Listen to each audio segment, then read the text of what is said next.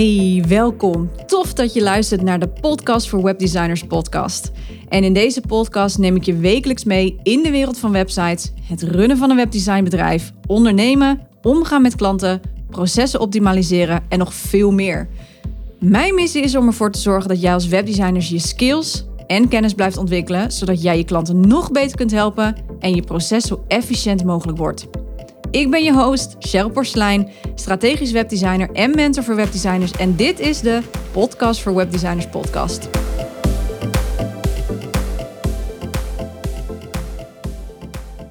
Hey, welkom. Leuk dat je er bent. Vandaag wil ik het met je hebben over de term cognitieve overload. Nou, wat is het? Waarom is het belangrijk en hoe kan je dit natuurlijk voorkomen? Dat ga ik je allemaal vertellen in deze podcastaflevering. Tijdens mijn meetup voor webdesigners, de tweede editie, die in eh, februari, of uh, ja, 3 februari 2023 plaatsvond. Dus gaat, de tijd gaat hard. Heb ik het gehad tijdens die dag over het brein. In zekere zinnen. We zijn ingedoken op het design for behavior. Dus een stukje designpsychologie, de psychologie achter de websites. Kleine disclaimer daarbij wel is, ik altijd zeg dat ik geen neuroscientist ben, ben uh, maar we hebben als mens wel allemaal dezelfde trekjes. En designpsychologie binnen de designwereld, die webdesignwereld, gaat erover eigenlijk dat de website in dit geval moet helpen een bedrijf of ondernemer ergens mee nou, iets te verbeteren, eh, ergens iets in, of te veranderen in het leven of het bedrijf. Dus het heeft een resultaat, maar het heeft ook een transformatie. Nou, dat is altijd de basis van designpsychologie en ook natuurlijk in een website. Dat ga ik je zo allemaal uitleggen. Want je maakt een website om iets te verkopen of om iemand te informeren. En dat zorgt ervoor dat uh, die transformatie wordt gedaan. Maar om men een doel uh, te laten bereiken, hè, dus of verkopen of informeren om iets te kunnen veranderen of verbeteren, heb je dus te maken met een aantal psychologische onderdelen waar je rekening mee mag houden. Waardoor websites één, überhaupt iemand gaan stimuleren actie te ondernemen. En twee, dat het enorm gebruiksvriendelijk is om daadwerkelijk ook het uiteindelijke doel te bereiken. Nou, in de loop der jaren zijn er uh, verschillende onderzoeken gedaan. En voornamelijk in de cognitieve psychologie als het gaat om websites. En dit deel van psychologie, daar wordt zeg maar gekeken naar ja, het herkennen van patronen, het hebben van bepaalde aandacht, perceptie, problemen oplossen, beslissingen nemen, etc. En dit onderdeel is heel belangrijk om er eigenlijk wat meer over te leren. Om goede websites te maken die daadwerkelijk je klant en hun klanten ook weer gaan helpen. Nou, zo kunnen we bijvoorbeeld, even heel klein zijtakje, iets heel goed herkennen. Zoals patronen, maar we kunnen bijvoorbeeld niet echt iets terughalen. En dat heeft te maken met het korte en het lange termijn. We vinden het heel moeilijk om te bedenken hoe zat het ook alweer, maar als we het herkennen, dan schiet dat door naar onze automatische piloot. Voor het gemak daarin is het brein even kort gezegd in, uh, opgedeeld in drie verschillende delen. Het instinct, het emotionele brein en het intellectuele brein. Elk deel heeft andere designpatronen nodig en triggers om dat deel te stimuleren. Nou, balans is hier natuurlijk altijd de key. En weet je, het is heel erg leuk dat je iets ontzettend moois wilt maken, waardoor het emotionele brein misschien wat meer wordt getriggerd. Met allerlei toffe animaties waar je het instinct weer mee triggert, of kleuren of whatever. Maar weet dat je daarmee een bezoeker juist kan overweldigen en dus kunt afschrikken. En jij als webdesigner hebt hier een taak in te doen. Jij moet ervoor zorgen dat de website gebruiksvriendelijk is en al die drie die centra ongeveer evenveel getriggerd en gestimuleerd worden. Hoe je die triggers ook ontwerpt of hoe je die gaat ook voeden. Je ontwerpt een website altijd op gebruiksvriendelijkheid. Een website moet namelijk iets doen. Hè? Je klant iets laten doen, wat ik net al even zei. Want eigenlijk, uh, wat ik elke podcast ook blijf herhalen, is: een website is meer dan gewoon een plaatje. Ik heb altijd drie, uh, twee of mantra's. Dat is website is meer dan gewoon een plaatje. Hè, dus meer dan een visitekaartje. En uh, ik zeg altijd, een website is nooit af. Dat zijn mijn twee, mijn twee mantra's. Het is echt een marketing tool, hè, je website. Dus je kunt er natuurlijk omzet mee genereren of tijd winnen. Waardoor je uiteindelijk ook weer meer omzet kan gaan draaien, omdat je tijd overhoudt. Maar goed, je ontwerpt dus altijd voor gebruiksvriendelijkheid. En je bepaalt ook altijd een doel voor je website. Hè? Dus je hebt één hoofd call to action en één sub call to action. En jij moet die websitebezoeker gaan gidsen naar het doel wat je hebt bepaald. Heb je dus meerdere doelen, dan krijg je dus weer die cognitieve overload. En samen met, en soms voor, ja, soms voor de klant, moet je een keuze maken. Dat is heel belangrijk. Nou, wat is cognitieve overload nou precies? Wat houdt dat nou in? Ik heb het nu al een aantal keer uh, laten vallen, de, deze woorden. Ik vind altijd een mooie vergelijking. Uh, je kunt cognitieve overload vergelijken met keuzestress. Een leuk voorbeeld hiervan vind ik altijd de Starbucks. ik ga nagenoeg nooit meer naar de Starbucks. Toen ik op het MBO zat, overigens wel, want dat was toen cool of zo, geen idee. Anyhow, ik werd altijd overweldigd door de enorme hoeveelheid keuze die een Starbucks biedt. Nee, je, hebt, uh, je moet al überhaupt kiezen uit drie maten. Dan moet je kiezen welke soort smaak wil je. Dan kun je iced of, of hot of nou, noem het allemaal op. ik was zo overweldigd, overweldigd wil ik steeds zeggen, maar overweldigd dat ik daarom keer op keer koos voor hetzelfde. En ik heb echt jarenlang hetzelfde besteld. Ik week echt nooit af van mijn bestelling. En in die tijd dronk ik ook nog trouwens die mega zoete koffies met karamel, weet ik veel. Maar dan, als ik dat nu drink, dan denk ik... Uh, maar goed, back to reality. Voor mij was een Starbucks is, is, is voor mij echt een cognitieve overload. Dus mijn brein kan dat niet zo goed handelen. En tuurlijk zijn sommige mensen die daar iets beter tegen kunnen. Hè, dus die iets beter het kunnen handelen uh, wat betreft hoeveelheid keuze. Maar als het bijvoorbeeld heel erg druk is bij een Starbucks, dan verhoogt dat de stress. Ook al heb je dat misschien niet door, hè, dus onbewust. Heb jij iets meer stress, want jij moet snel keuze maken om die rij niet op te houden. Hè, dan wordt er ook nog gevraagd, 6000 vragen aan je gesteld. Wil je groot, wil je klein, wil je normaal, bla bla. 9 van de 10 keer val je op het, terug op het bekende. En je valt daarmee weer terug in je patroon. Nou, in sommige uh, gevallen, zoals ik nu eigenlijk, vermijd ik dus in het geheel de Starbucks. En dat is met websites eigenlijk ook een beetje zo. En een Starbucks is natuurlijk een luxe product, dus daar is de keuzestress is iets minder ernstig. Nogmaals, er zijn dus mensen die daar juist naartoe gaan, speciaal vanwege al die keuzes. Maar omdat het een luxe product is, kan je dat iets makkelijker door de vingers zien. Een website daarentegen, en ook in je onderneming, uh, wat ik al begin, in het begin zei, is dat het iemand moet helpen om het leven beter, beter te maken of om het bedrijf of iets in die richting te verbeteren of te veranderen.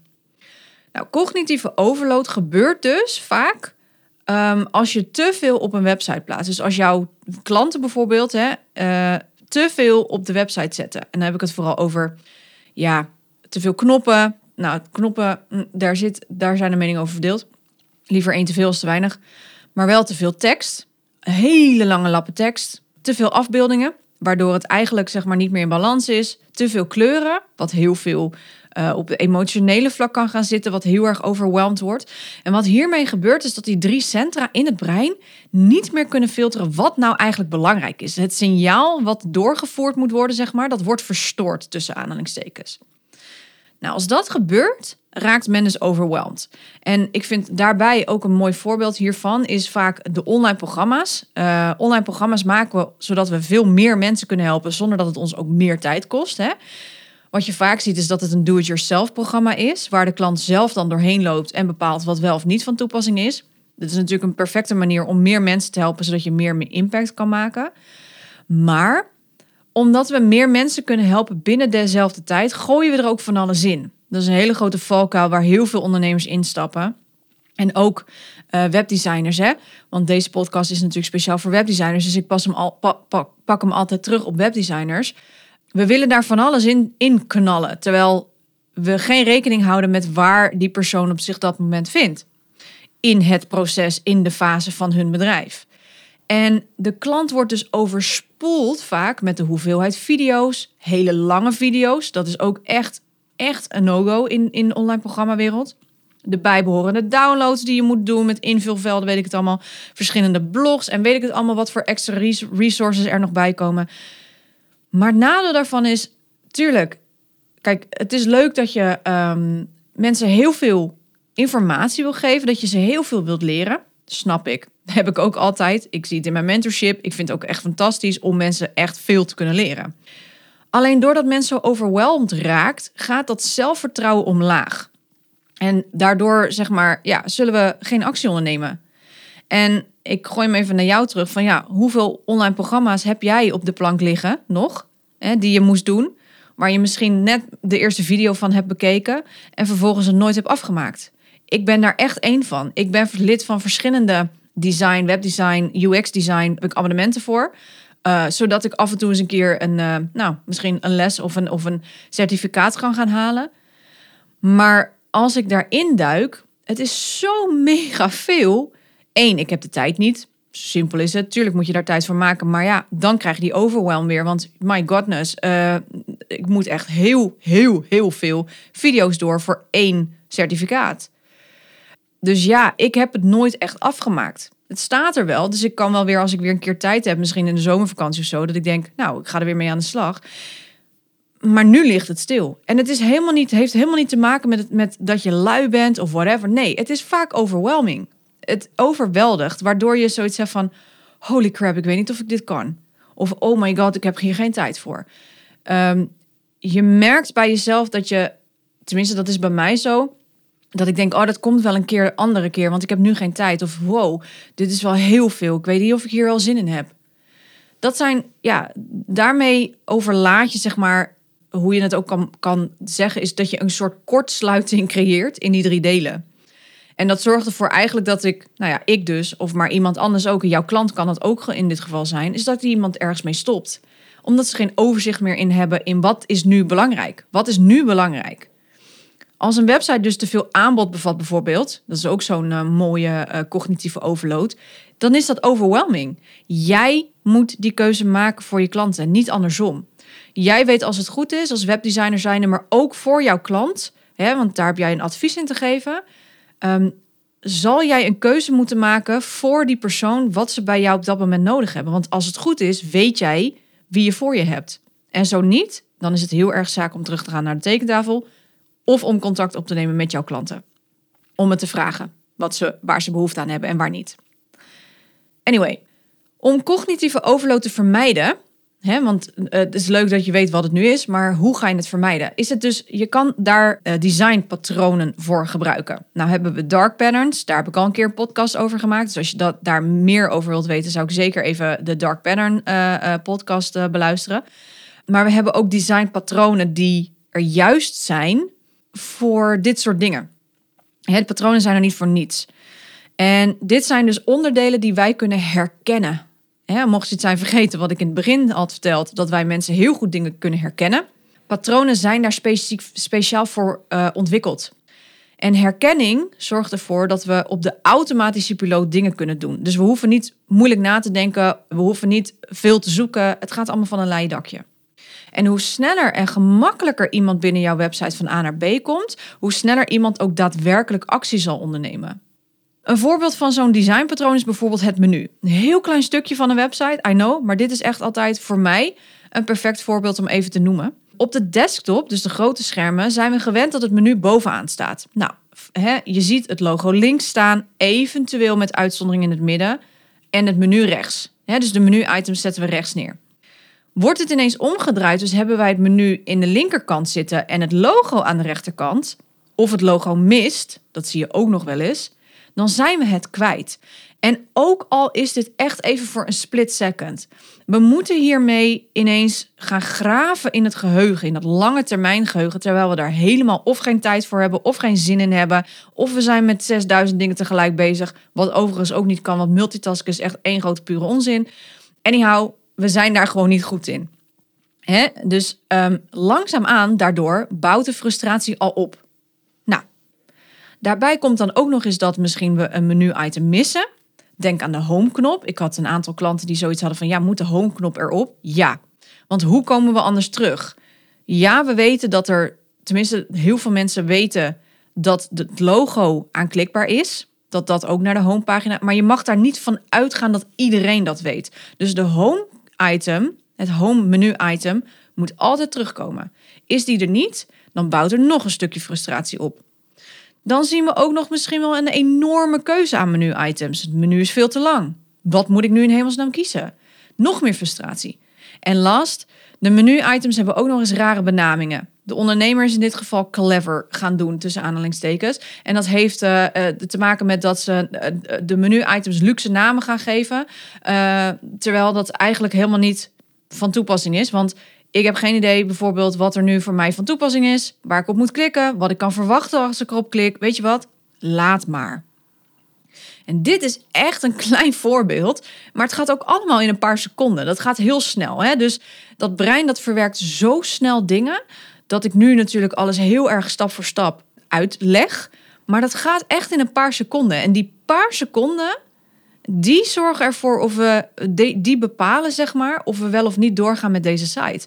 En als het een deel, of misschien wel alle drie de delen van dat brein zo overprikkeld is geraakt door alleen het menu, dat de rest van de delen niet meer kunnen meekomen dus stel dat, uh, dat het, uh, nou ja, het intellectuele brein wordt in dit geval overprikkeld. Want ik moet nadenken, wat, wat staat er eigenlijk? Welk menu-item moet ik hebben? Hoe kom ik weer terug? Hoeveel, uh, er staan veel te veel menu-items. Ik weet niet waar ik naartoe moet, kan geen keuze maken.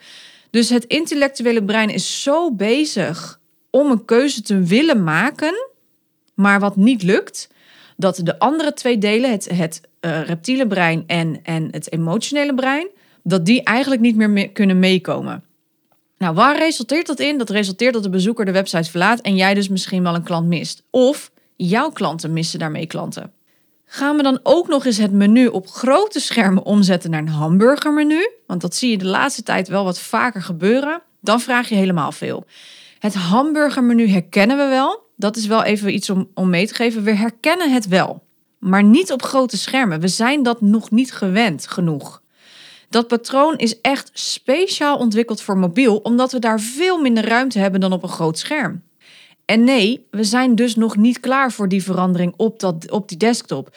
Omdat dit soort patronen of speciaal worden gemaakt, of we doen er tig jaar over voordat we het doorhebben. Dus wees daar wel voorzichtig mee. Als je het niet hoeft te gebruiken, of als er geen reden is om dat te gebruiken op een desktop, dan zou ik adviseren om het gewoon ook lekker weg te laten en je gewoon een menu met menu-items laat zien.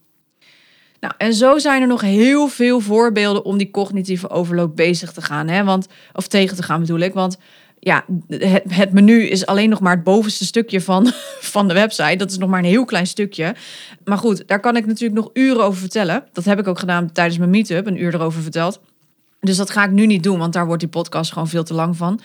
En ook die drie delen van het brein, ja, daar kan je ook heel veel nog over vertellen. En misschien dat ik dit soort dingen nog even in een andere podcast opneem. Ga ik even naar kijken. Um, ik wil jou ook dus niet overwelmen. Dus ik, ik, ik hou deze uh, podcast, uh, stop ik hier mee met voorbeelden en over de cognitieve overload. Wat ik in ieder geval wil meegeven is dat het belangrijk is dat jij als webdesigner goed gaat nadenken waarom je bepaalde dingen ontwerpt en gebruik daarbij die designpatronen die er al zijn. Want jij hoeft het wiel niet opnieuw uit te vinden. Sterker nog, liever niet. Weet je? Je kunt het designpatroon prima een likje verf geven. Hè? Dus in de kleuren, brandingkleuren van je klant zetten. Of in de brandingkleuren van jouzelf, van jouw eigen website zetten. Zolang het maar hetzelfde blijft in de basis en het de gebruiksvriendelijkheid niet aantast. Dat is vooral belangrijk. En als je dat in principe door blijft voeren, dan zul je merken dat je op andere manieren ja, het brein zeg maar voedt en stimuleert om actie te ondernemen. En welke actie dat is, dat hangt er natuurlijk vanaf wat voor doel je hebt gesteld met je website. Het kan intakegesprekken zijn, het kan iets kopen zijn, het kan informeren zijn. Nou, noem het allemaal maar op, e-maillijst. Maar zolang je dit in je achterhoofd houdt, dat we dat in dit geval vaak less is more is, dan zul je merken dat de resultaten van je website ook veel beter gaan worden dat mensen er veel sneller doorheen gaan. Dat, dat jouw klanten ook veel meer omzet zullen gaan halen uiteindelijk hè, met de website. Het is geen korte termijn uh, strategie. Dat is het nooit. website is een lange termijn strategie. En het betekent ook niet dat als je dit soort dingen meteen aanpast, dat dan binnen no time de omzet verhoogt. Het gaat erom dat het, het heeft met alles te maken. Dus alles moet in balans zijn. Daarover een andere keer. Ik hoop dat je hier vooral van wat hebt geleerd. Um, als je hier nog meer over weet, nodig ik je natuurlijk ook uh, heel erg van harte uit in mijn mentorship. Daar vind je alle ins en outs op op mijn website. Ik heb het linkje in de show notes gezet, dus mocht je meer willen leren hierover, dan is het mentorship zeker geschikt voor jou. Voor nu wens ik je een hele fijne dag en ja, tot de volgende keer. Groetjes, doei! Thanks for listening. Wil jij je skills verder uitbreiden of verdiepen, je processen optimaliseren en simpel en effectief willen leren werken? Dan is het mentorship voor webdesigners perfect voor jou. In dit zes maanden durende één op één traject krijg je een volledig kijkje bij mij in de keuken. Ik ga samen met jou diep op de materie in op de onderdelen waar jij op vastloopt. Denk aan proces, goed feedback leren ontvangen, hoe je bepaalde designkeuzes maakt op basis van die informatie die je ontvangt Maar ook hoe jij je klanten nog beter kunt helpen met bijvoorbeeld het schrijven van goede teksten, hoe jij je adviesrol kunt inzetten en hoe je lange termijn trajecten kunt aangaan. Nou, dit allemaal doe ik op basis van mijn eigen webdesign procesformule die uit vijf fases bestaat. En dat is research, design, build, launch en grow. Wil jij weten of dit traject perfect is voor jou? Let's talk about it. Plan direct een afspraak in via mijn digitale agenda op www.cprecision.nl slash mentorship voor een vrijblijvend intakegesprek.